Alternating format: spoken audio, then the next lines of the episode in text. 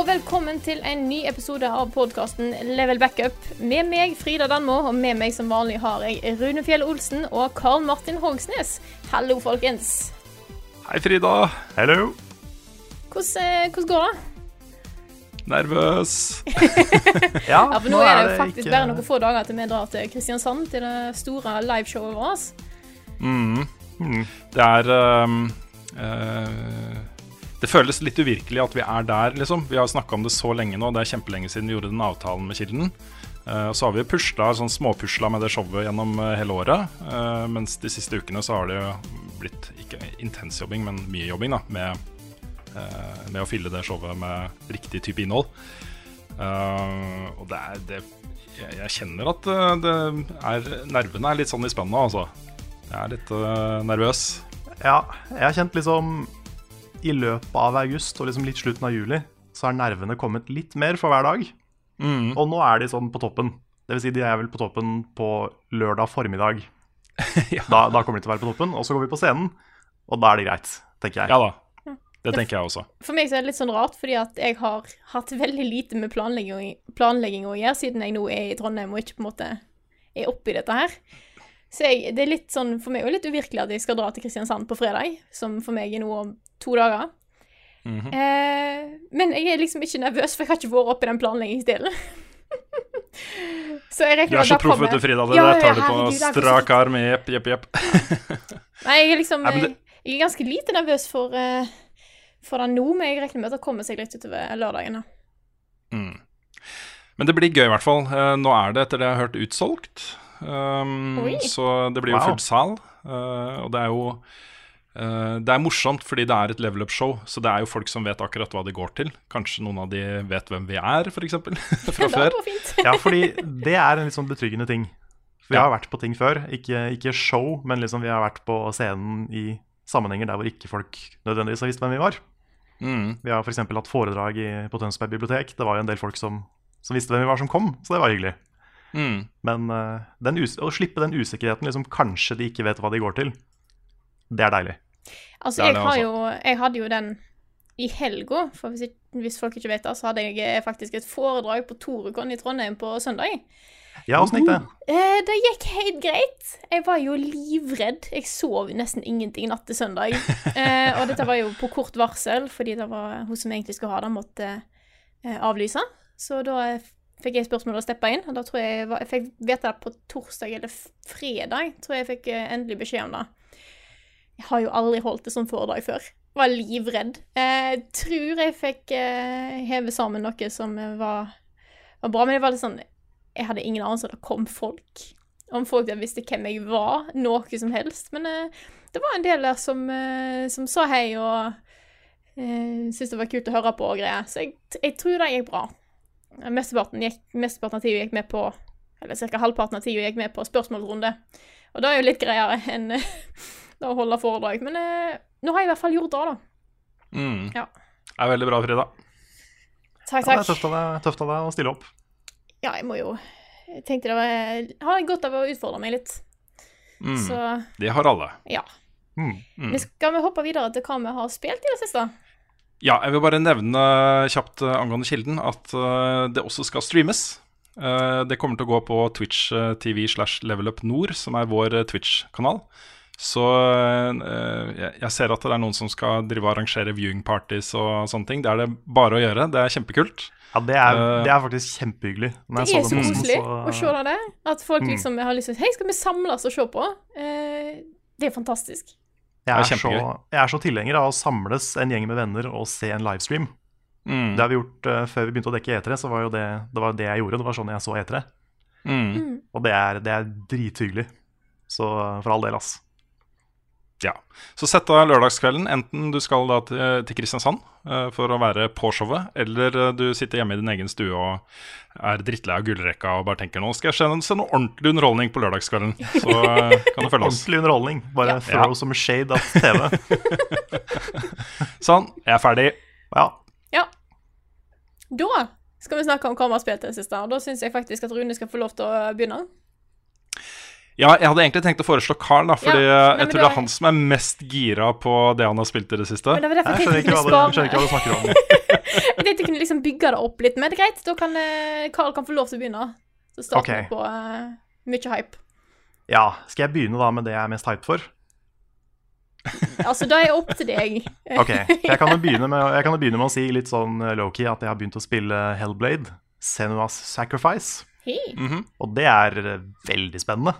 Ja, ikke Jeg har, kommet, eh, jeg har tatt liksom de to store områdene i starten og begynt så vidt på det etter det.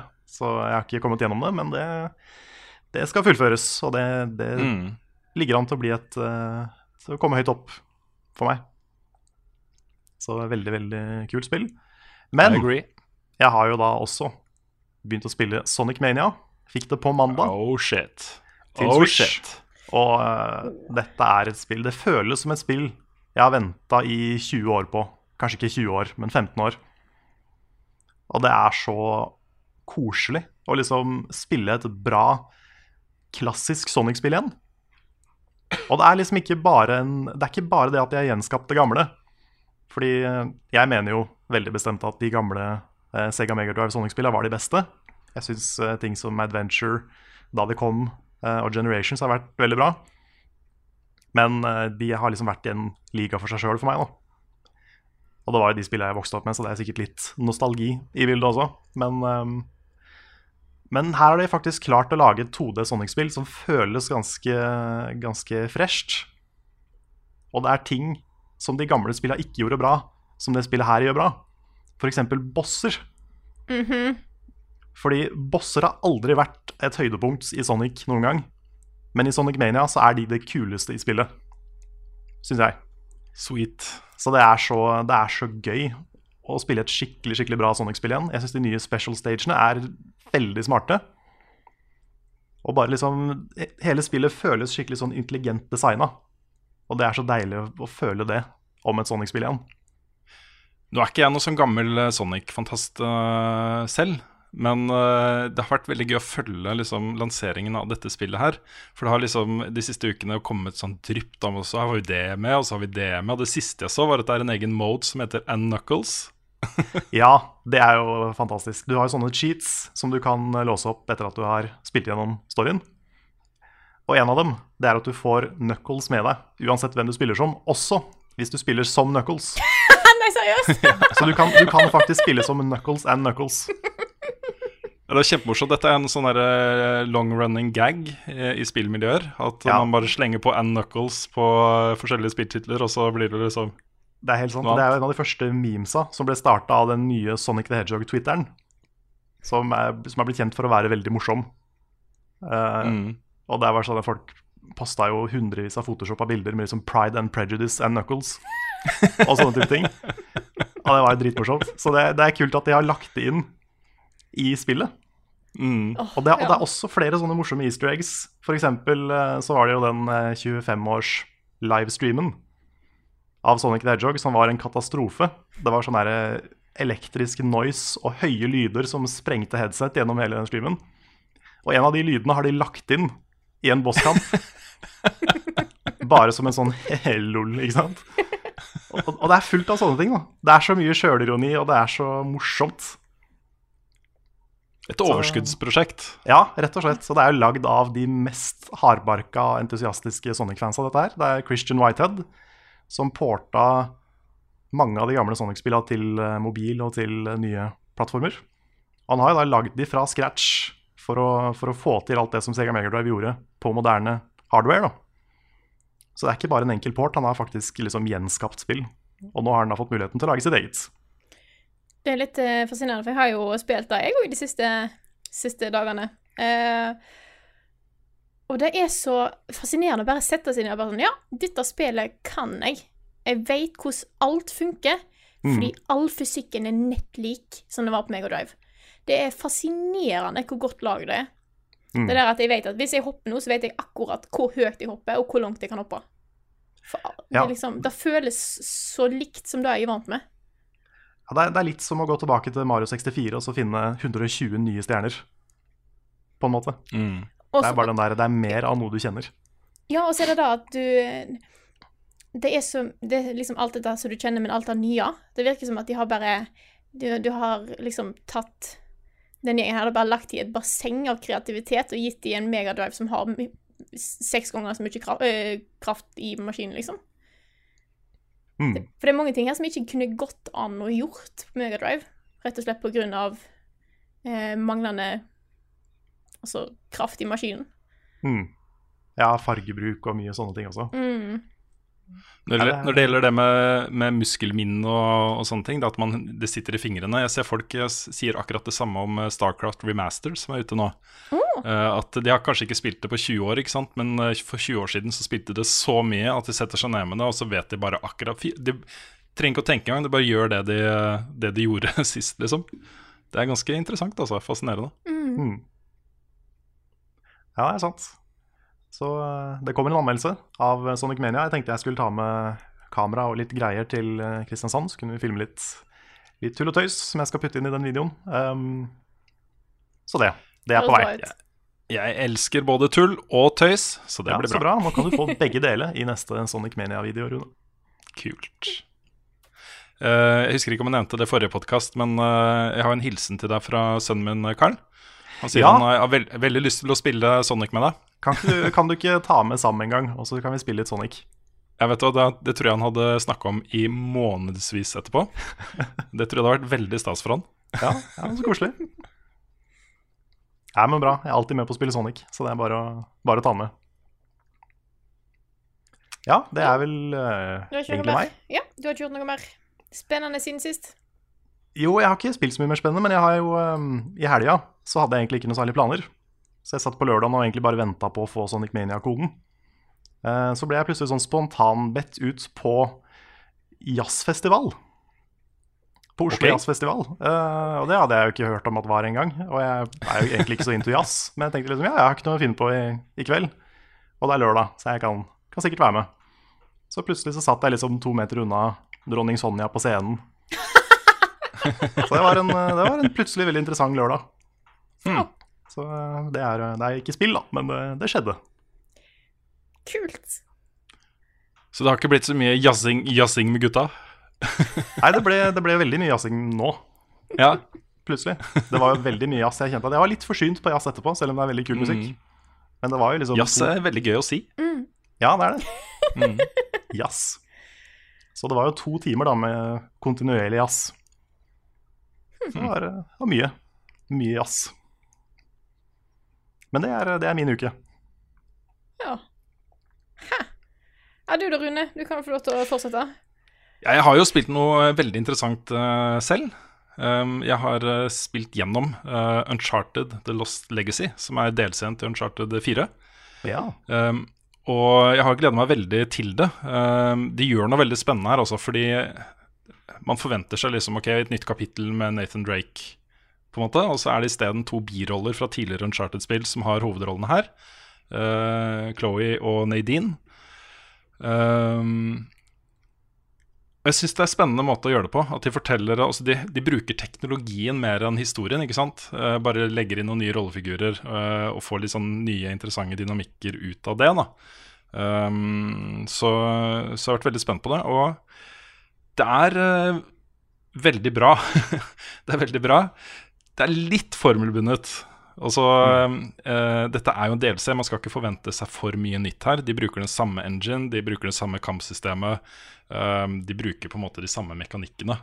samme miksen av utforsking og action og sånne ting. Så det føles liksom ikke som noe veldig nytt. Men det er en ting, det tar jeg også opp i anmeldelsen min, men det er hver eneste gang det er spill av den typen her, hvor det er liksom noen tøffe eventyrere som er på jakt etter en mytisk gjenstand liksom i gamle ruiner et eller annet sted, så er det også en slem skurk som er på jakt etter akkurat den samme gjenstanden akkurat samtidig. Og han har så utrolig mange fotsoldater som står der liksom og venter på deg på knutepunkter og sånt. Og så det, det føles som et spill jeg har spilt før, da. Eh, det er ikke så veldig negativt, for det er veldig gøy å spille det, men jeg blir litt sånn OK, overrask meg litt, kanskje. jeg vet ikke. Så, um, så jeg er ikke sånn i taket fornøyd med det, men jeg koste meg veldig. Og det er sånn akkurat beefy nok. Seks-sju timer brukte jeg på å spille gjennom. Det er Så såpass, liksom en, ja, så en par kvelder uh, med deilig underholdning, liksom. Så um, ja. Jeg uh, vil i hvert fall anbefale det til folk som likte Uncharted 4. Dette er basically Uncharted 4 med nye rollefigurer. Uh, på en måte et uh, kunne vært et bonusoppdrag i det spillet. Det hender jo at man spiller som andre figurer i andre spill også. Så det er litt sånn det føles. men det er jo en ny story og en ny gjenstand selvfølgelig, og en ny konflikt som foregår i bakgrunnen, og en ny skurk og de tingene der, da. Men ja. Hmm.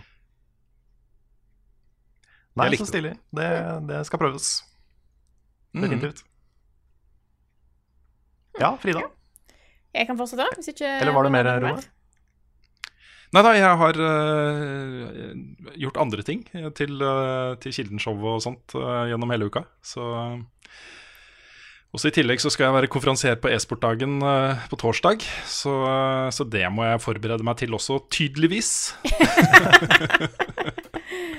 Litt sånn scenevann, altså. Ja.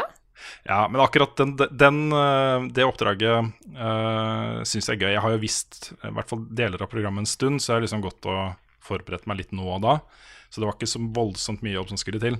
Um, jeg syns det er litt gøy da liksom sitte og tenke hm, nå skal den og den holde foredrag. Kan jeg finne på noe gøy med det, liksom? Så I fjor så starta en ny tradisjon med å tulle med Tor Steinar, som er redaktør i uh, Han er ikke redaktør lenger. uh, det er vel Audun som er redaktør for Gamer. Ja, Er en gründer, da, gründer av Gamer, uh, og på en måte Admdir eller et eller annet sånt. Eh, han skal jo på scenen, han også, helt til slutt. Uh, og hvert år jeg er konfer konferansier der, så skal jeg tulle et eller annet med han. Jeg husker ikke hva jeg sa i fjor, men jeg, på, jeg, fant på noe som han er liksom er kjent for, som han ikke er kjent for i det hele tatt. Noe sært. Så det blir sånn eh, eh, Tre ganger norgesmester i pingpong, Tor Steinar Tangedal, f.eks. Et eller annet sånt. da Så det er litt gøy. Det er kult hvis det blir mer og mer sånn overnaturlig for hvert år. Mm. Ja. At etter hvert så er liksom første mannen som snakka med aliens. Mannen Ja, det som kan bli et slo veldig lag running gag. ja. Ja. Jeg må nevne én ting til om e-sportdagen, og det er at, um, at uh, en tidligere, en av de største e-sportstjernene vi har, uh, BSL, han var stor i Counter-Strike fram til 2006, en av de beste i verden. Han uh, kommer også for å holde et foredrag fordi i sommer Det er litt morsomt, for han la opp for ti år siden, og så fikk han jobb som journalist i Adresseavisen. Uh, og der har han vunnet SKU-pris og vært en del av graveredaksjonen og vært en skikkelig tung, seriøs journalist. Da, en respektert uh, fyr. Uh, og i sommer så takka han ja til en jobb for ESL. uh, og har nå blitt turneringssjef for hele verden i ESL. Det, en sånn, det er jo en kjempegreie, liksom. ESL er jo dritsvære. Så jeg gleder meg veldig til å høre, høre foredraget hans spesielt. Det er det jeg gleder meg mest til med, med det opplegget. Så, så det blir spennende. Kult. Ja, men da kan jo jeg eh, ta og fortsette. Jeg har jo eh, som sagt spilt eh, Sonic Mania, og elsker det. Men jeg har òg blitt ferdig med The Walking Dead, sesong 1. Oi. Så vi skal spille inn Vi ligger litt foran her, folkens. Ja, det Det er jo fantastisk. Ja, ja, at episode to går jo ut i dag eh, for oss. Så eh, Men det er litt greit å ligge litt foran, da. Og så, eh, så, får, eh, så har Nick litt god tid på å få klippet og greier. Mm. Så jeg Jeg syns har han har løst den, den Skype-greia på en bra måte. altså. mm, det, Jeg syns det funker veldig bra. Vi hadde litt problem med lyden min første episode, og det er jo fordi at eh, jeg har hatt litt problem med at datamaskinen min syns ikke at Zoom-mikrofonen min er verdt å bruke som mikrofon, og syns heller at jeg bruk, da bruker den interne mikrofonen i laptopen er mye mer gøy. For du får litt sånn spenning, sant? Mm. Så da mm, Så da Nei, da, lyden blir bedre i de neste episodene, så da trenger ikke folk å liksom tenke på der. Men eh, jeg, syns, jeg syns det funka. Jeg var redd at det å liksom ta det ved Skype kan bli litt sånn Sånn kjedelig. Men jeg syns det, jeg syns det gikk veldig bra. Jeg syns måten han har fått det til, er veldig Veldig bra. Mm. Eh, så jeg er ferdig med sesong én der, så lurer jeg litt på om jeg skal bare sette i gang med sesong to. Bare liksom for å gjøre det. Eh, og så har jeg jo òg spilt litt Hellblade. Og nå har jeg liksom Hellblade er et fantastisk spill. Jeg digger det. Syns det er bare utrolig det de får til der. Men jeg blir så kvalm. Jeg blir så sinnssykt kvalm. Ja, Fordi men det, da- det skjønner jeg. Da valget de har tatt med at kameraet skal være så tett innpå hovedpersonen, eh, sånn at du skal på en måte komme veldig innpå, og i tillegg til at kameraet beveger seg litt når du går, er utrolig kule valg å gi for immersion. Men det er jo alle disse tingene her som jeg ikke takler. Jeg er nødt til å ha eh, hvis, Gi meg en uh, mulighet til å skru av headbobbing og uh, skru opp field of view, så kan jeg spille det. Men akkurat nå så får jeg det ikke til. Jeg klarte å komme gjennom den første delen, for da er det veldig mye sånn rett fram, bare gå, ikke noe sånn gå rundt og lete etter ting. Men så har jeg kommet til på en måte det første sånn, hvis du kan kalle det området der du må liksom gjøre litt puzzles og litt sånne ting, til han Valravn. Og der må du gå rundt og lete litt og sånt. Uh, og jeg kom der til å gjorde ganske mye der første gang jeg spilte. Kjente jeg ble litt sånn uggen og ga meg der. Skulle spille det på mandag, for jeg tenkte nå har jeg god tid. Nå har jeg hele kvelden. Jeg spilte i ti minutter, og så var jeg så kvalm at jeg måtte legge meg på sofaen og bare prøve å ikke kaste opp, for det var helt krise. Så gale har det ikke vært på lenge. Så det er så slitsomt, for jeg har så lyst til å få spilt det, men det, bare, det går ikke. Så det er litt annoying. Mm. Ja, men jeg, jeg, kan, jeg kan se, det, se, det, for meg, fordi jeg, også, jeg blir jo ikke sjøsjuk eller noen sånne ting. Men til og med jeg ble svimmel av det spillet, og det er jo et virkemiddel for å fortelle historien også. Men jeg skjønner at den er, den er kjip hvis du blir fort kvalm. Ja, så det er litt sånn eh, Det var litt irriterende. Eh, spesielt når jeg vet at det er et så bra spill, at jeg har liksom lyst til å få med meg resten. Men eh, kan være jeg må bare leve med at jeg ikke kommer gjennom Hellblade. Mm. Så det er, det er min hverdag. yeah. Men eh, ellers så har jeg vel egentlig bare surra litt rundt i Splatoon. Ja. ja. Har folk blitt umulig gode ennå? Ja, altså nå eh, har jeg egentlig bare spilt eh, Salmon Run litt grann når det var åpent. Eh, jeg vet at Level Up Community har en liten gjeng som sitter og spiller Salmon Run sånn jevnt og trutt, så jeg har lyst til å henge meg på der en dag. Eh, men jeg, jeg, tror, jeg tror da Da merker vi jo bare under livestreamen at folk hadde hatt tid til å bli altfor god da. Og nå har det jo mm. gått noen uker, så jeg er litt sånn redd for å begynne å bevege meg inn på online battle, egentlig. Ja, det er liksom mitt problem med, med de fleste online-spill. At jeg liksom Jeg spiller spillet, anmelder det, så må jeg liksom gå videre til neste spill jeg skal anmelde.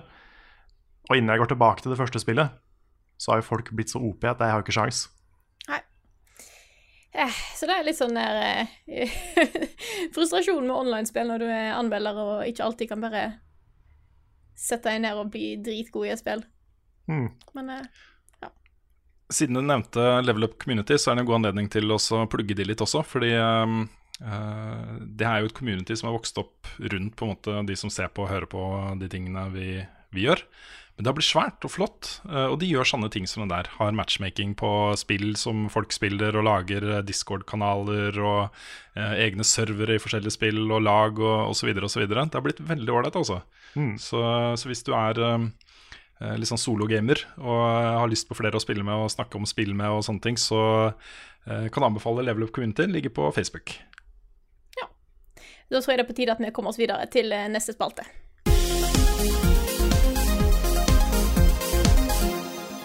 Har vi kommet til ukens anbefaling, og i dag så skal jeg komme med et lite sånn der eh, mattips til folk. Eh, nam-nam. Nam-nam. Jeg er glad i å lage eh, mat. Jeg er glad i å lage god mat. Eh, og, og, jeg er glad i å spise god mat. Ja, sant. Vi... Dette er bra, bra team her nå. Nei, så jeg eh, har en liten, sånn, et litt sånn tilbehør til mat som jeg syns er veldig bra, som veldig få vet om. Det er noe jeg. Er det barbecue-saus? Det er, er ikke barbecue-saus. Barbecue er det ketsjup? Ikke ketsjup. Heller ikke majones. Uh, nei, dette er noe jeg først smakte på en restaurant i Trondheim som har grillmat. Uh, og så har jeg fått uh, eh, googla litt og funnet ut hvordan de lager dette. Og da er nemlig maiskreme, som er en slags uh, Ja, det er rett og slett en krema maispuré.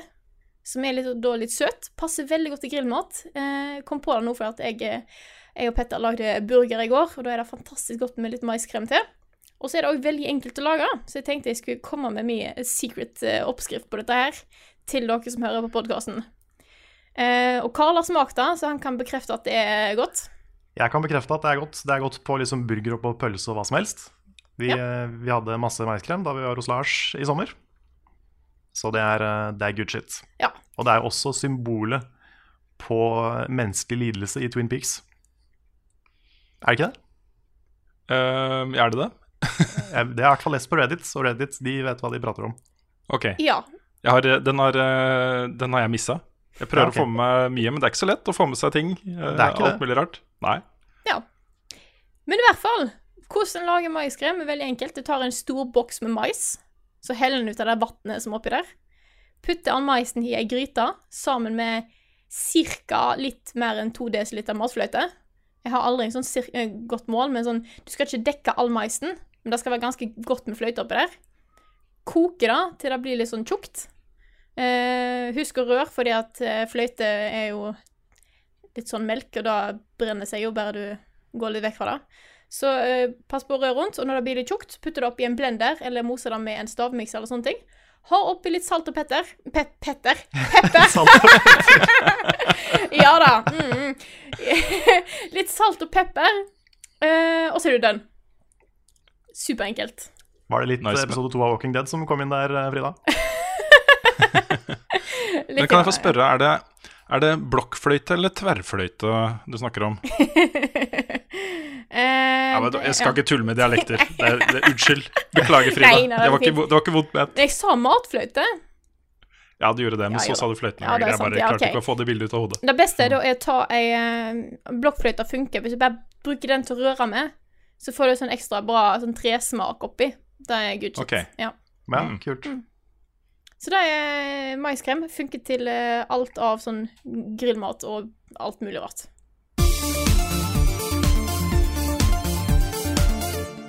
Da har vi kommet til ukens nyheter, så da er det bare for Rune å sette i gang med det du har funnet fram til oss denne uka her.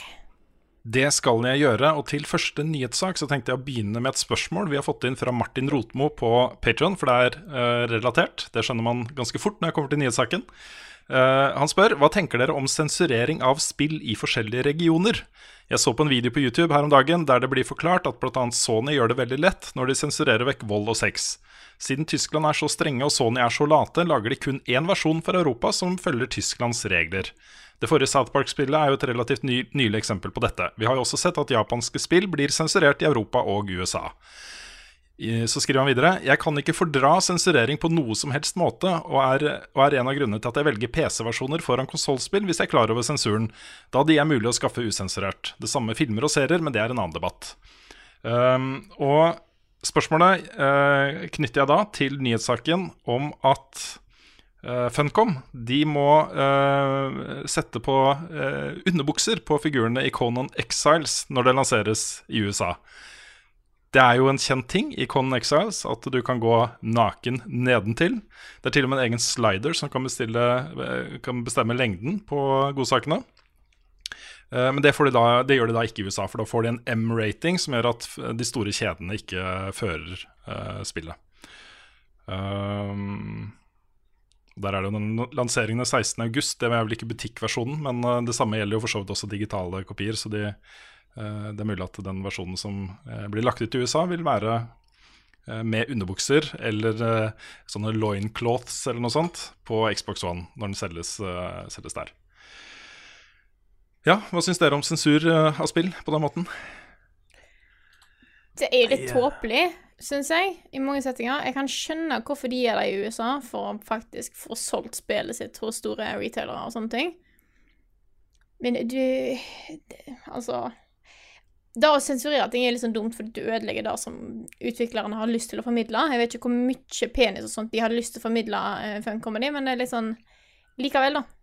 Det er ikke Jeg vil si at originalen. Penisen i Con er helt avgjørende. Ja, Jeg tror ikke det er noe gøy å spille det uten å se de Nei, er, De videoene er så morsomme. Folk som løper rundt og det bare dingler og dangler. Og, Mm. Det er halve moroa, det.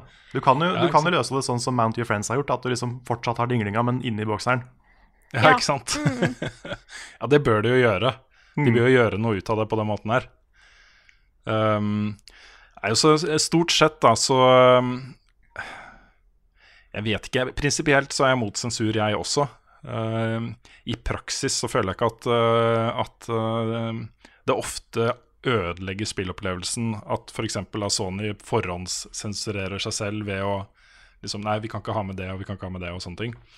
Uh, det er gjerne ikke helt vesentlige elementer i spillet, men man kan jo se for seg uh, scenarioer der det kan være ganske vesentlig, hvor de har gjort veldig bevisste valg på at vi må ha det sånn fordi det er dette vi prøver å formidle, og vi kan ikke fjerne dette fordi Ikke sant?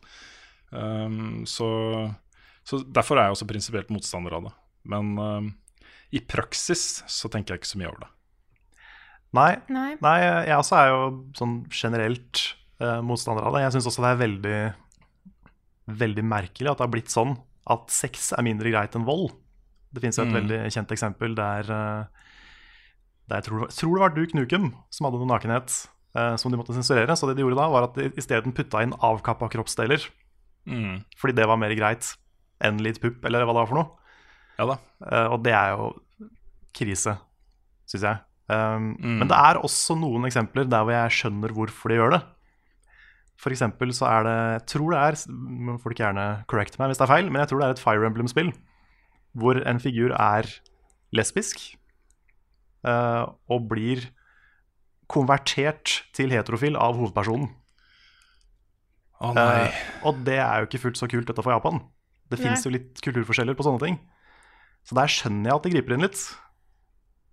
Um, og da kan du si at ja, men hvis du først skal lokalisere spillet, så burde du gjøre det som det er. Men jeg, jeg kan også skjønne den andre sida av det. da Mm. Ja. At det er, det er ikke alt som på en måte ting, ting, Kulturer er forskjellige, og man vil reagere annerledes på ting. Avhengig av Mm. hvor man bor og hvem man er, og, og sånn. Så um, jeg vet ikke. Det er noen nyanser der som jeg skjønner. Ja, Eksempelet med South Park er også ganske godt. Nå husker jeg ikke akkurat hva det var, hva det var som ble sensurert bort. Var det ikke den bæsjen som gjorde et eller annet? Ja, vel det var- anal Det var en sånn der eh, anal probe ja, av noen Ja. aliens Ja, det. som hadde kjørt en, det var vel en dildo som de kjørte inn i rumpa på faren til Stan. Ikke sant? Og i South Park-universet så er det hysterisk morsomt. Og når en sann scene blir fjerna, så er jo også, Da vil jeg helst spille det spillet som har den scenen, fordi det er det Matt Stone og Trey Parker har, har kokt opp, ikke sant? Mm. Uh, så jeg, jeg, akkurat sånne eksempler skjønner jeg jo veldig godt. Satt ikke de på en svart skjerm og skrev at vi får ikke lov til å vise dette her pga. Uh, lovene og sånt? Jo, det var en, Jo, det det var var en gråtende koala. Ja. Du, du hadde liksom putta inn en liten sånn, For det var Australia vel som hadde satt ned, satt ned beinet. For det var noen sånne overgrepslover som gjorde at ikke det var lov å vise det. Um, men en annen ting også som er verdt å huske på, da, det er jo at alle spill, spesielt fra Japan, blir jo lokalisert. Og det er veldig sjelden at manuset er 100% autentisk. Eh, og det handler ikke bare om at de går inn og forandrer ting for å forandre på ting, men også for å formidle det på en måte som er mer Som er nærmere den originale liksom, hensikten. da. Mm. Så det går an å på en måte forandre noe for å gjøre det mer likt. Hvis det gir noe Mm. mening.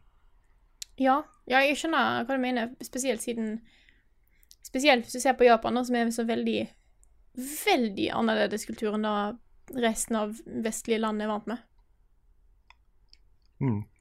Men generelt så, så mener jeg jo at man skal selvfølgelig la, la kunstner uttrykke seg, og ikke, ikke sensurere andres arbeid.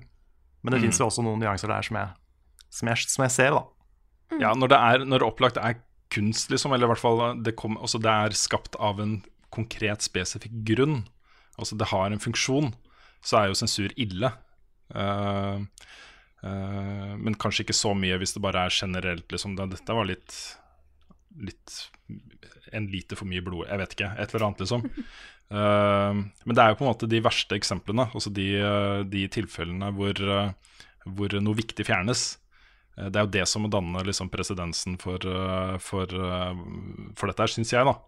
Eh, Så min liksom litt feige, slappe holdning til at ja, ja, det er som regel ikke så viktig allikevel, er ikke, det er ikke en veldig sunn holdning, egentlig. Fordi eh, man, eh, man sier jo liksom da at man må skjære alle over én kam. Man kan ikke si at ja, dette er viktig, dette er ikke viktig, så vi kan sensurere det som ikke er viktig. Men ikke, ikke sant? det går jo ikke. Så man må jo ta utgangspunkt i, i eh, de drøyeste eksemplene, ikke sant? Syns jeg, da. Mm. Eh, mens vi snakker om Funcom, så ble det også kjent denne uka her at uh, det skal bli en TV-serie av The Secret World. Um, uh, produsert av produksjonsselskapet til Johnny Depp. Og det er litt morsomt å si det, fordi det er ikke bare Johnny Depp som eier det produksjonsselskapet, men han er en av eierne, en av grunnleggerne av det selskapet. Sikkert noen ting han pusler med sånn på siden av, jeg vet ikke. Men det er litt morsomt å se navnet til Johnny Depp sammen med liksom Funcom. så, så jeg skjønner at folk går for den vinkelen. Men uh, det her blir jo da en TV-serie basert på liksom mytologien i spillet. Uh, hvor uh, de tar utgangspunkt i eh, disse secret societyene, Illuminati osv. Og, så og det at uh, hovedpersonene liksom er hemmelige agenter som navigerer i den, på en måte den hemmelige verden. da Hvor alle myter er sanne, og det er masse overnaturlig og mystisk og magisk og sånne ting. Så det kan bli spennende, altså. Mm. Det er eh, definitivt et potensial der for en kul TV-serie. Mm. Jeg ser at det har vokst opp, uh, vokst opp ganske stor interesse rundt de litt sånn overnaturlige parallell verden-type seriene nå. Uh, du har jo liksom uh, The Dark Tower, som er på kino. Eh, du har American Gods, som er en fantastisk TV-serie. Eh, jeg ser at Good Omens av Neil Gaiman og Terry Pratchett også skal bli en TV-serie. Det er kult, altså. Hvor man blander altså, Akkurat den sjangeren der er jeg veldig veldig glad i. Mm. Så, Preacher er også en ikke som er litt der. Mm. Så jeg håper det går bra. Det er eh, Jeg vet ikke, man Før man ser liksom hvilke navn som er involvert, skuespiller, og får se hvordan det ser ut, så er jeg litt skeptisk til at det kan bli superbra. Men eh, jeg håper jo selvfølgelig at det blir det. Og så har endelig Mewtwo kommet til Pokémon Go. Ja, ble jo vist i den første Pokémon GO-traileren. Ja. Ikke sant? Eh, Er ute nå. I hvert fall i Japan. Ja, Tok det ble litt tid. Ja, de har, Niantic har sagt at de skal følge den, bruke den samme modellen når Mewtwo introduseres til resten av verden.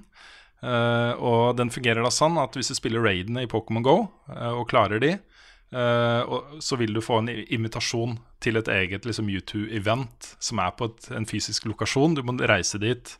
Uh, vi så jo hvor bra det gikk i Chicago. Um, men, uh, men det er i hvert fall sånn det fungerer. Du spiller raidene, klarer de, får en invitasjon. Uh, og så kan du fange Mewtwo. Hmm. Det var litt gøy å se, den, uh, se video fra Yokohama Stadium, hvor det sitter liksom sikkert tusenvis av mennesker og spiller Pokémon GO for å alle slåss mot Mewtwo, liksom. Jeg syns det var morsomt. Ja, Uh, du, du kan jo si veldig mye om liksom, de tekniske tinga og hvor mye som, som suger med Pokémon GO uh, nå. Men de raidsa syns jeg egentlig han har løst ganske smart.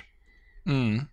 Jeg, har jo nå, jeg bor jo oppe på en gym, så jeg er veldig heldig. Jeg kan liksom bare sitte, i, eh, sitte der hvor jeg sitter nå og fange alle tre legendariske fuglene, f.eks. Når det kommer liksom folk forbi, så bare ja, OK, jeg blir med på den. Og så får jeg også den. Så det er kult. Um, Ja. Så jeg kan være litt lat, da. Men, eh, men som konsept syns jeg det er litt stilig. Den måten du liksom får folk sammen på. Du må, du må faktisk fysisk um, slå deg sammen da, med andre mennesker for å i det hele tatt ha sjans. Mm. Er Det det liker litt. Pokémon eh, Go-feber igjen? Har den kommet tilbake? Nei, ikke for meg. Nei. Nei. Det er, sjekk. Jeg åpner appen kanskje en gang i uka Mm. når jeg har sett en nyhet om en ny Pokémon. Men utenom det så, så er det borte, altså. Jeg har en følelse av at en del spillere har kommet tilbake. Jeg ser liksom generelt litt mer snakk om det rundt omkring. Eh, Folk jeg kjenner som har begynt å spille igjen, og folk snakker litt mer om det. Men eh, det er nok ikke helt de samme tilstandene som var i fjor sommer. Nei, Nei, det blir nok ikke. ikke heller. Niks. Men det er, Um, det er litt, litt interessant da, hvor, liksom, hvordan Pokémon har, har holdt ut. Mm. Jeg husker liksom første, første wave med Pokémon da jeg var liten. Og alle gikk rundt og bare Ja, men det er bare en blaff, ikke sant? Men Pokémon har jo vært konstant siden da. Ja. Har det, altså. Så det er kult. Um, det ser ut som om Switch eh, er i ferd med å bli en ganske spennende konsoll for, eh, for store, kule indiespill. Eh, det kom to announcements denne uka her. Ehm, Super Meatboy og Thimbleweed Park kommer begge til Switch nå i høst. Ehm, og fra før av så vet vi jo at eh, Blant spill som både er ute og som kommer etter hvert, så finner du jo uh, Alboy, f.eks. Uh, The Binding of Isaac Afterbirth, Cave Story uh, Jeg har lagd en liste, skjønner du. Uh, Celeste, som er et veldig spennende spill eh, på vei. Eh, Enter the Gungeon, The Escapist 2, Gunner, Overcooked, The Sexy Brutal, Shovel Knight, Stardew Valley, Steamworld Dig 2, Terraria, Thumper og Towerfall Ascension. Så alle dette, alt dette her er liksom hotte indiespill, svære indiespill. Og det virker som om indieutviklere uh, virkelig har omfavna Switch, og så syns det er kult da å få spillet sitt ut på Switch. Mm. Og det er et godt tegn, tror jeg. Veldig Ja, godt altså, tegn. og så er det en veldig bra konsoll for de spillene også. Mm. Det er jo perfekt å spille Owlboy på Switch. Mm. Så det er, eh, det er veldig smart gjort å fokusere på, på indies.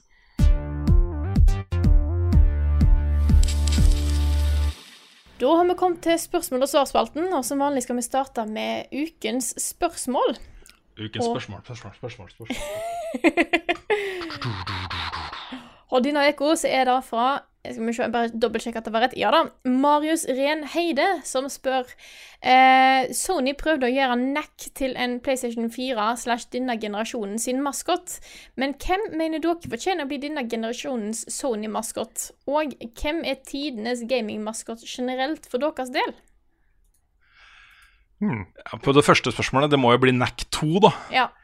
Ja, ja. Begge nekkene i nekk 2. ja. Ja, ikke sant? Mm. Um,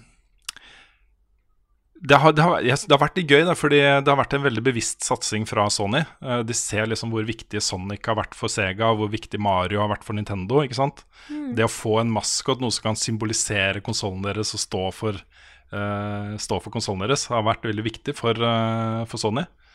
Um, på PlayStation 3 var det vel kanskje Sackboy som endte opp med å bli det. Ja, kanskje en mellomting mellom Sackboy og Nathan Drake. Ja, kanskje det. Ja, det vil jeg sånn- tro. Ja, han er litt sånn kjedelig maskot, syns jeg. Han er en kul figur. Men uh, som liksom sånn hei, PlayStation-maskot, så er det litt rart å ha Nathan Drake, kanskje. Ja, For han ser jo ut som alle, alle sånn gruffy menn i midten av 30-åra. Ja, han er kjekkas, liksom. Ikke sant? Det er ikke verdens mest spennende Spennende figur, Nei, kanskje. Det ser kanskje litt rart ut. Jeg liker han liksom- Nathan Drake veldig godt, altså. Ja, det ser kanskje litt rart ut hvis han står og lener seg på, på PlayStation-logoen med sånn Dreamworks-face. Ja, ikke sant? Men hva er det det På PlayStation 1 var det vel um, Ja, nei, var det, uh, Ja, på PlayStation 1 så var det jo uh, Crash Bandicut. Mm. Um, Litt Rayman, nesten. litt Ja. Rayman, nesten. Det er eh, sant. Men den, Rayman kommer jo ut på flere plattformer etter hvert også. Ja da, han gjorde det. Det må, en, av, en av de viktigste kriteriene er at det er eksklusivt, ikke sant? Mm. Um, PlayStation eh, 2 Jack and Daxter, var kanskje? ja, De var, de, var, de, var veldig pusha i, de ble veldig pusha i starten, husker jeg. Ja. Da PlayStation er sant, 2 kom til Norge. Mm. Og som spørsmålsstilleren eh, antyder, så har det ikke kommet noen eh, åpenbare, eh, selvfølgelige maskotkandidater for PlayStation 4 ennå. Jeg tror kanskje mine nærmeste favoritter der blir um, Hunteren i Bloodborne. Ja, for jeg tenkte jeg skulle foreslå han, faktisk. Eh, eller tenkte liksom Aloy. Ja, for jeg jeg skulle Aloy er, ja. er jo faktisk en god kandidat. Mm. Mm. Jeg satt og tenkte litt på hva spill som har kommet eksklusivt til PS4. Det første jeg kom på, var Bloodborne. Bare sånn, ja, det, det har med maskoten sin. Mm, ikke sant? Mm. Kan på en måte se for meg litt den der figuren fra Bound, av en eller annen grunn. At den er litt sånn PlayStation Ja. 4-ikonisk. Er ikke allemannseie nok? Nei, sant det da. Føler Nei, nei, det er ikke det. Jeg bare tenker sånn designmessig. da. Litt sånn som Mm. figuren i Journey også. Kunne vært en sånn Ja. PlayStation 3-figur. Mm. Eller kanskje eh, Trico. Ja, Trico. Trico. Mm. Mm. Jeg holder en knapp på Hunteren i Bloodborne. Jeg, også. Det Ja. er på en måte Hvis man først skal trekke fram noe som er uh, ufattelig fett uh, og eksklusivt, så er det liksom det eller Aloy, føler jeg, på, på PS4 til nå. Mm, mm. Mm. Jeg er Og noen er da hovedpersonen i Horizon. Ja, jeg er spent på om vi noen gang får en, eh, får en ny sånn maskot-maskot. En ny Mario, Mm. liksom. Jeg, tror vi, jeg tror vi er litt forbi det, for at eh, gaming er ikke noe Altså, før så var det Det var veldig mange flere sånne store satsinger til kanskje yngre uh, yngre publikum, da. Så du fikk disse maskotene som som Rayman og Mario og sånne ting. Nå er det mye mer store, seriøse spill, sant? Mm. Mm. Så det er vanskeligere. Sant, sant. Men hvem er, eh, hvem er den beste maskoten gjennom tidene? Altså, Mario har gjort en eh, formidabel jobb. Og er jo på en måte blitt et sånt stort symbol på nesten all gaming. Mm. Mm. Det er vanskelig å slå Mario på det. Ja. Sånn For meg personlig så er det jo Sonic som har hatt mest å si. Ja, fordi jeg har vokst opp med Sega, men det er jo på en måte Mario som, har, som er størst. Mm. Det er det.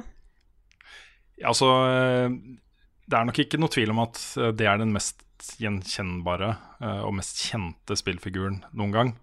Så hvis det er kriteriet, så, så føler jeg at også det Mario og Nintendo representerer for spillmediet, eh, og hvor stor Mario er, da, hvor mange som vet hvordan han ser ut og vet, har spilt et Mario-spill, eh, ikke minst, eller sett det, eh, så er det kanskje den største. Ja. Um, ja, Til og med de som ikke vet hva Mario heter, kan jo liksom peke på noe. Det er et TV-spill. Ja, ikke sant? Men med personlig Så det er nok den så- største. Ja. Så jeg har jo litt lyst til å si Sonic òg, av oppvekst og greier. Det må jo nesten bli det. Det er lov, det. Ja. Jeg syns liksom uh, hele historien rundt Sonic er så kul. Ja. Det der forsøket på å lage en motpart til Mario med litt attitude og litt sånne ting.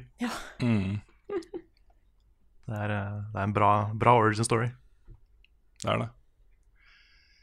Jeg vet ikke. Jeg um, eh, Jeg skulle vel for min egen del ønske at det kanskje var noen som er litt mer i min gate, da. Noe enn maskot, liksom. Men maskoten er jo gjerne litt Litt sånn figurer. Altså mer figurer enn spillroller, på en måte. Eh, noe større enn bare det at jeg er med i et spill. Så det er vanskelig for meg å si liksom Gordon Freeman eller uh, Snake eller noe sånt. Jeg vet ikke engang om de kan kalles maskotter. Men uh... Nei, de er kanskje litt i, litt i gråsonen. Hvis vi Mm. først skulle tatt en maskot for, det sånn, for PC-gaming, så er jo kanskje Gordon Freeman et godt, godt, en god mulighet der, da. ja, eller Doomguy eller også Ja. noe sånt, da. Ja. Men uh, kanskje Ja. Gordon Freeman. Ja. Mm. Ellers er jo kanskje Maskoter er jo kanskje litt sånn av moten generelt. Det er lenge siden vi har sett mm. uh, Ronald McDonald og Burger King-kongen, liksom. Ja, det er noe sånt. Jeg var litt sulten, så jeg begynte å tenke på burgere. Er Ja, OK, ja. Mm. Og nå har du smitta meg. ja, Og meg. you're welcome. Jeg tror vi hopper videre til neste spørsmål. Eh, og da er fra Eskil Lundgaard, som skriver For tida virker det som retrospill er det heiteste på markedet. Hva spill har dere mest lyst til å se gjenskapt? Det har vi snakka litt om, men jeg er veldig interessert i å ta det neste spørsmålet her, og da er hva fungerer best? Nyutgivelser i gammeldraks à la Sonic Mania, eller gamle utgivelser i ny drakt à la Crash, Crash Insane Trilogy? Åpenbare kjedelige svaret er jo begge deler.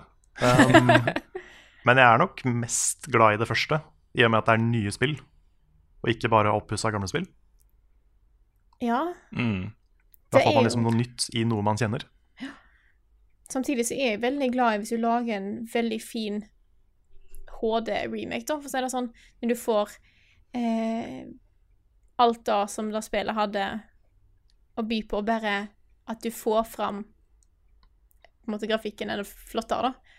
Et godt eksempel der er jo eh, Åkami, som nå snart kommer i HD-remake. Det har nettopp eh, kommet noen rykter om det. Eh, det kommer en HD-remake til PlayStation 3. Men å få en full, ordentlig 1080p HD, full HD-remake av det, er noe som jeg ser veldig fram til. Fordi spillet er så bra, men òg så vakkert. Og jeg følte det hadde litt begrensninger på konsollen, eller på konsollene det kom ut på. Men det er jo på en måte Der, der ser du også litt forskjellen da, på de to. Det å lage helt nye spill i gammel drakt, eller å um, uh, konvertere de til moderne spillmaskiner. Uh, og det siste handler jo uh, også dette med Kwame HD, Shadow of the Colossus HD, IKHD, alle de der, liksom. Det handler jo om konservering, kanskje. Det å på en måte ta vare på eh, gamle, store, klassiske spill som mange har et forhold til, og gi de muligheten til å spille på nytt. Eller å gi da en ny generasjon spillere muligheten til å oppleve en del av spillhistorien. Sånn sett så føler jeg at de er ganske viktige, altså. Eh, det er mye lettere og eh, lavere terskel for det å sette seg ned med Shadow of the Colossus, som også kommer til PS4 eh, på nyåret, enn å liksom grave fram en gammel konsoll, PlayStation 2 eller 3, og liksom finne fram spill og kanskje kjøpe det brukt. Altså, de gjør det mer tilgjengelig for folk. Mm. så det er veldig bra. Eh, men det er veldig mange av mine store favorittspill i eh, både nyere og litt eldre tid har jo vært eh, helt nye spill som er lagd i gammel drakt, med Metroid eh, eh, Zero Mission og Fusion til GBA f.eks. Um, det har noe for seg. Det er gøy, liksom. Da appellerer du på en måte både til folk som har et forhold til uh, noe stort fra gamle dager, og til liksom nye generasjon Uh, gir de muligheten til å oppleve noe som, som det var en gang, liksom. Det er veldig kult, altså. Og så Mm. viser det også at, eh, at eh, klassisk eh, gamedesign går ikke av moten. Det er fortsatt gøy å spille det, ikke sant? Eh, alt må ikke være i tipp topp fotorealistisk grafikk og 3D og, og sånne ting. Nei, det er sant. Spillbransjen går veldig fort uh, ut ifra at ting går, ut, altså går av moten. Mm, Så som Det var jo mange år som det var helt uaktuelt å lage et spill i 2D, f.eks. ikke sant? Men det er jo masse bra gameplay i 2D-spill. Mm. Så ja. En av de tingene som det muliggjør, er jo at, eh, at folk med innmari gode ideer, men ikke så store teams, faktisk kan lage noe som er dritbra. da.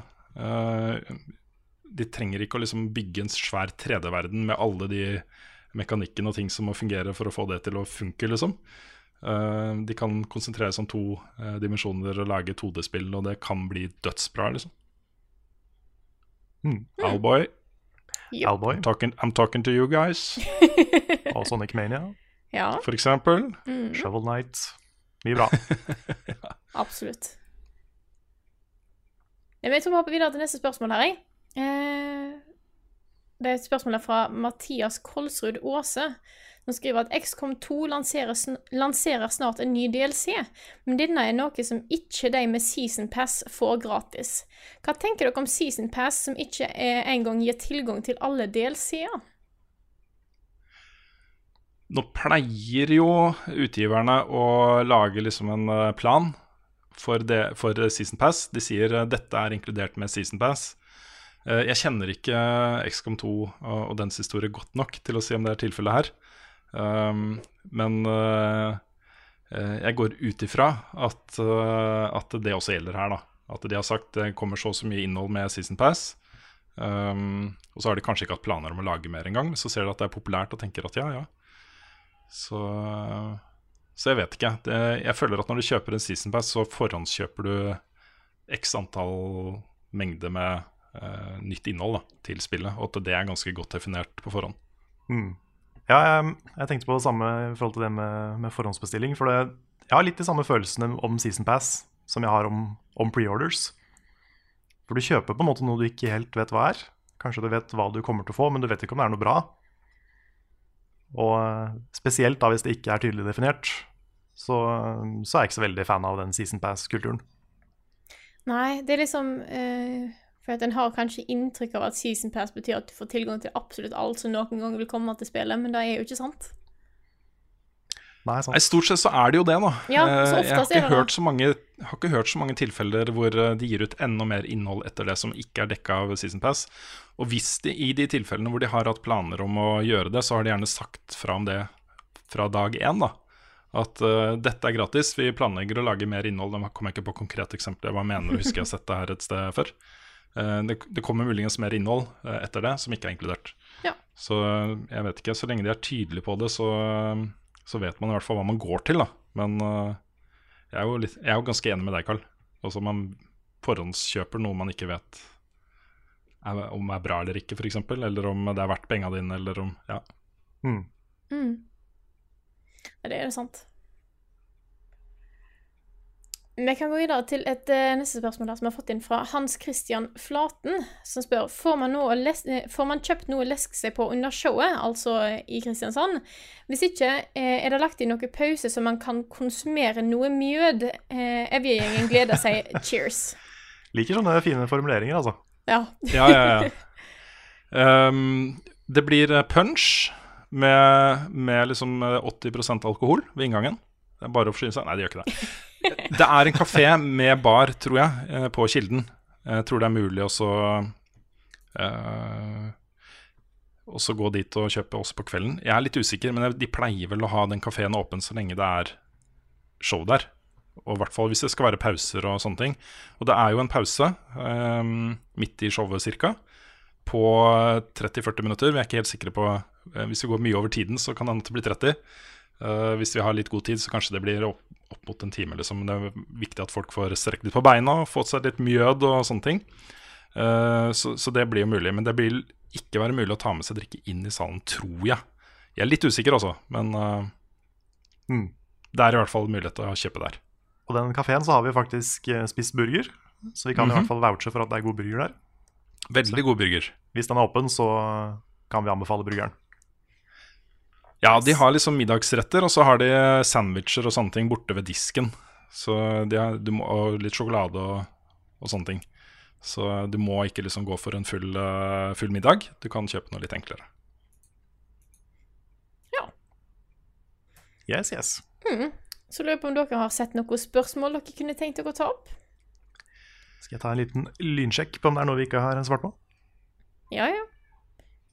Jeg, eh, jeg tenkte kan, er det blir veldig, veldig sånn feil å ta eh, eh, spørs, to spørsmål fra samme person.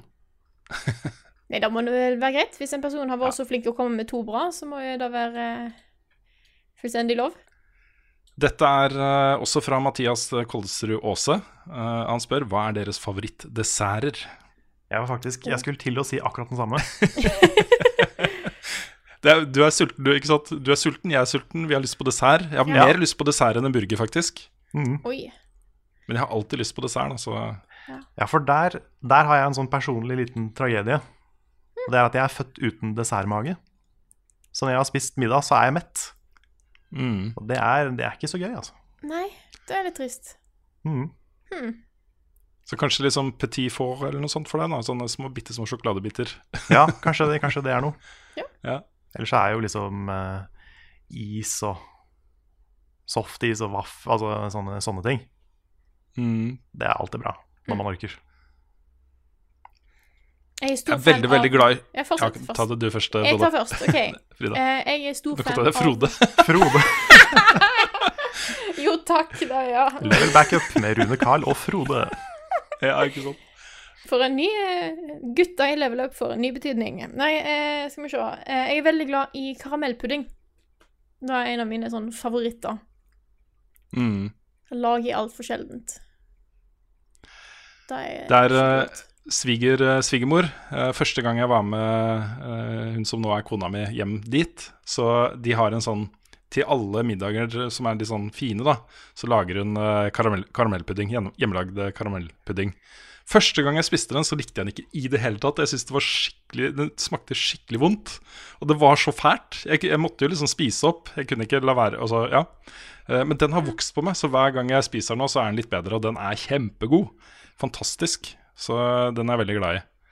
Ehm, men jeg kan egentlig sitte her en time og snakke om andre desserter også. F.eks. her om dagen så kjøpte jeg jordbær og bringebær, og så hadde vi jordbær og bringebær med eh, melk og sukker. Det er bare så insane godt.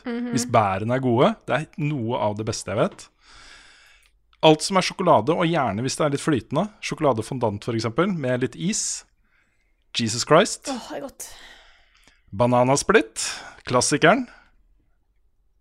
Og så sånne svære sånne Sundays med liksom fudge og flytende sjokolade og, og sånt. Og nøtter og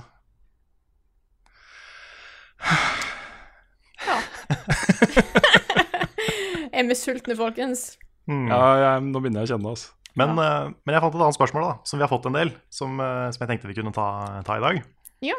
Det er fra skal vi se, Gustav Slottsveen. Han spør, uh, for å gjøre det kort, noe hype for Game of Thrones? Ja. Jeg er så jeg er, Det er så fett. Jeg har, jeg har sett litt sånn kritikk mot, mot serien etter at de slapp opp for bokmaterialet. At den har blitt litt konvensjonell. Uh, at den er litt mer fokusert på å lage liksom kule actionopplevelser og sånn oh shit-øyeblikk. Enn å bygge opp liksom lange, intrikate story arcs og sånne ting. da Mm. Men eh, det, det er jo dette her vi har gått og venta på, liksom. Ja. Det at trådene begynner å knyte sammen og få konklusjoner og, og sånne ting. Jeg skal ikke si noe sånn spoilerting her i det hele tatt. Men eh, det er veldig tilfredsstillende å se eh, noen av disse rollefigurene komme dit de Du har liksom tenkt at de er på vei hele, hele tiden. da um, Og se hva som skjer nå. Mm. Ja, jeg, jeg ser kritikken om at kanskje, kanskje ikke manuset er like intelligent og like skarpt, liksom. Det har jeg også tenkt litt på, men jeg syns det de likevel har gjort, måten de har bygd opp det siste, de siste sesongene her på nå, det er jo utrolig spennende. Ja, kjempe. Helt jo- fantastisk. Jeg skal ikke si hvilken episode, men det var en episode allerede denne sesongen her hvor jeg bare satt nesten og rista. Shit is going down. Ja, det er bare Det er så intenst, da. Mm. Så det at de klarer å holde på den, det syns jeg er eh, utrolig bra. Jeg har liksom, jeg, jeg, kona har lest bøkene, alle bøkene. Eh, det er litt morsomt å sitte og snakke med henne, og så ser vi serien sammen. da. Eh, det er morsomt å sitte og snakke med henne om Game, Game of Thrones, for hun forteller meg hvordan liksom forskjellige rollefigurer er blitt uh, satt sammen til én rollefigur, hvordan hele uh, historier og sidehistorier og sånt er fjerna. hvordan eh, eh, en del av rollefigurene i TV-serien har liksom var egentlig en helt annen. De tingene som skjer med den personen, skjedde med en helt annen person i bøkene. Og så sånne ting da. Det er litt gøy også å se uh, hvordan de har tilpassa dette her til TV-formatet. Uh, og få det til å funke så bra. Ja. Mm. Dritkult, altså. Agreed. Jeg ser vi òg har fått et spørsmål her eh, fra Tommy Tollefsen, som spør om hva vår favorittkarakter i Game of Thrones er. Det er Hmm. vanskelig. Det- Aria. Syns ja, fristende Ja. å si Aria. Åh, Mm, så er det det- hun er så kul, altså. Mm. Det Men er også liksom Bron. Han synes jeg også, han er ikke så mye med, men når han er med, så er han veldig festlig. Mm. Ja, det Nei, er det liksom er-. Nei, det er mange bra, altså. Det er veldig, altså det er, som også, en, også, en ting som også er så bra, da, det er det der hvor, hvor gode de er til å på en måte få deg til å heie litt på flere sider samtidig. Ja. Mm. Jeg har innsett at jeg vet ikke helt hvem jeg heier på for tida. Jeg vet Nei. ikke helt hvem jeg vil skal vinne. Det er akkurat det. Mm. Og det også skal mye til. Det å liksom skape en situasjon der hvor du ikke vet helt hvem Du vil på en måte at alle skal overleve, og du vil at det skal gå bra med alle, men det er på en måte umulig. Ja. Jeg har Jeg er litt lei vil meg at han kan dø, men ellers er det litt sånn Men jeg er litt lei meg for at de, at de fucka opp litt den uh, tvetydigheten med Jamie uh, i den episoden som skjedde for et par sesonger siden, som uh, han eh, Ja, jeg skal ikke si hva akkurat det var. Det kan hende folk akkurat har begynt på serien, liksom. mm. Eh, men hvor eh, eh, Hvor han gjør noe som eh, på en måte river ned alt, da. Eh, og hvor de da etterpå prøver å bygge opp den tvetydigheten igjen, når du vet at han har gjort den ene tingen, liksom. Uh, jeg, jeg sliter liksom med å sympatisere med han etter det, da. Fordi den var en så bad ting, liksom. Uh, så, så det var litt dumt. Akkurat den scenen syns jeg Jeg vet ikke om den er i bøkene eller ikke, men akkurat den scenen eh, ødela litt min uh, opplevelse av akkurat den rollefiguren, som jeg syns kanskje er den mest interessante da, i hele serien. Uh, Mm. Ja, jeg, jeg ser den. mm. Det er vanskelig å snakke om dette uten å på en måte spoile, Ja. fordi at Det er jo folk som har, det er folk som har etterlyst en spoilercast på slutten av, eh, slutten av en podkast. Vi kan jo gjøre det en gang. Kanskje Ja, etter, kan. Etter sesongavslutninga. Mm. Mm. Kanskje det. Jeg vil også nevne kjapt at eh, HBO Nordic må få uh, ræva i gir og lage en, eh, en app og en serverpark som faktisk uh, skjønner at uh, folk sitter på mandager og har lyst til å se Game of Thrones. Mm. Det var helt jævlig nå på mandag. Ja. Helt jævlig. Jeg sitter med eh, ganske bra nettlinjer med 100 ned, og jeg så eh, Det var 20 minutter av episoden, så jeg i 240 P. Det var helt Ja, den- Altså det var sånn, jeg, jeg begynte å se, og det gikk bra liksom i 10-15 minutter. Og så eh, bare stoppa hele appen å funke. Den bare skrudde seg av. Eh, Når jeg starta den igjen, så måtte jeg logge meg inn på nytt. Og det her skjedde kanskje 15 ganger i løpet oh, av episoden. herregud. OK. Uff. Da, Og fikk se alt fra liksom tre sekunder til eh, fem minutter. da Og det, jeg, jeg var jo så rasende. Og kona måtte ikke be meg roe meg ned og sånt. At den i tillegg logga meg ut. liksom At logge meg inn med passord hver eneste gang jeg starta appen eh, på nytt. Jesus. Dette her er jo basically Det er serverkapasiteten og liksom båndbredden til HBO. Den kabelen som går ut fra den serverparken, er, eh, er jo ikke skalert for dette her. Eh, Den interessen er det- som er rundt disse episodene. Er det bare det, eller er det fordi de har slitt med noe hacking og sånn også? Ja, det vet jeg ikke. Nei, Det kan det ha vært vært en noe del dritt. eller Ja. annet. Det har vært en del dritt mot de siste. jeg har det. Mm. Ellers har jeg hørt deg har jo Get, uh, hvor nå HBO er inkludert, hvis du velger det som en del av kanalpakka di. Jeg har hørt fra folk som har sett det via det, at uh, det gikk helt eh, prikkfritt mandag kveld. Så um, som et tips, til folk, så kan det være lurt å kanskje prøve det. Det skal i hvert fall jeg gjøre neste mandag. Hmm. Men skjerp dere, HBO. Det her er ikke bra nok. Det er liksom Du har den største TV-serien nå for tida. Det, det er jo ingen overdrivelse da å si at eh, Game of Thrones er et av det største som skjer på TV nå for tida. Og så får de ikke til dette her. Vi er i sesong sju. Det liksom, jeg hadde skjønt det hvis vi var i sesong én, at det liksom bare plutselig var mye mer hype enn det de hadde trodd. De vet jo at folk kommer til å sette seg ned og se dette her. Det er ikke noen Kanskje- overraskelse. Kanskje de kan arrangere en sånn event i Chicago, hvor du kan ta med deg telefonen din, og så kan du se på det på sånn mobilnett. Ja, det var en god idé. Alle sammen samtidig. Det høres smart ut. Jeg vil også bare legge til at uh, det er jo et annet uh, sånn TV-event for meg som er hakket større enn uh, Game of Thrones på mandager, og det er jo Twin Peaks. Det er faktisk Er det- på linje med Game of Thrones for meg nå, altså. Ja. Det er, den er så sjukt kul, den nye sesongen. Det er det rareste jeg har sett på TV. Ja, det er det rareste jeg også har sett på TV. Og det er bare så bra, altså. Men når vi snakker om det rareste jeg har sett på TV, for jeg jo har et veldig stort høydepunkt som skjer på mandager, og da er sesong tre av Rick and Morty, Ja. som er òg noe av det rareste jeg har sett på TV. Fordi at den serien der er fullstendig crazy.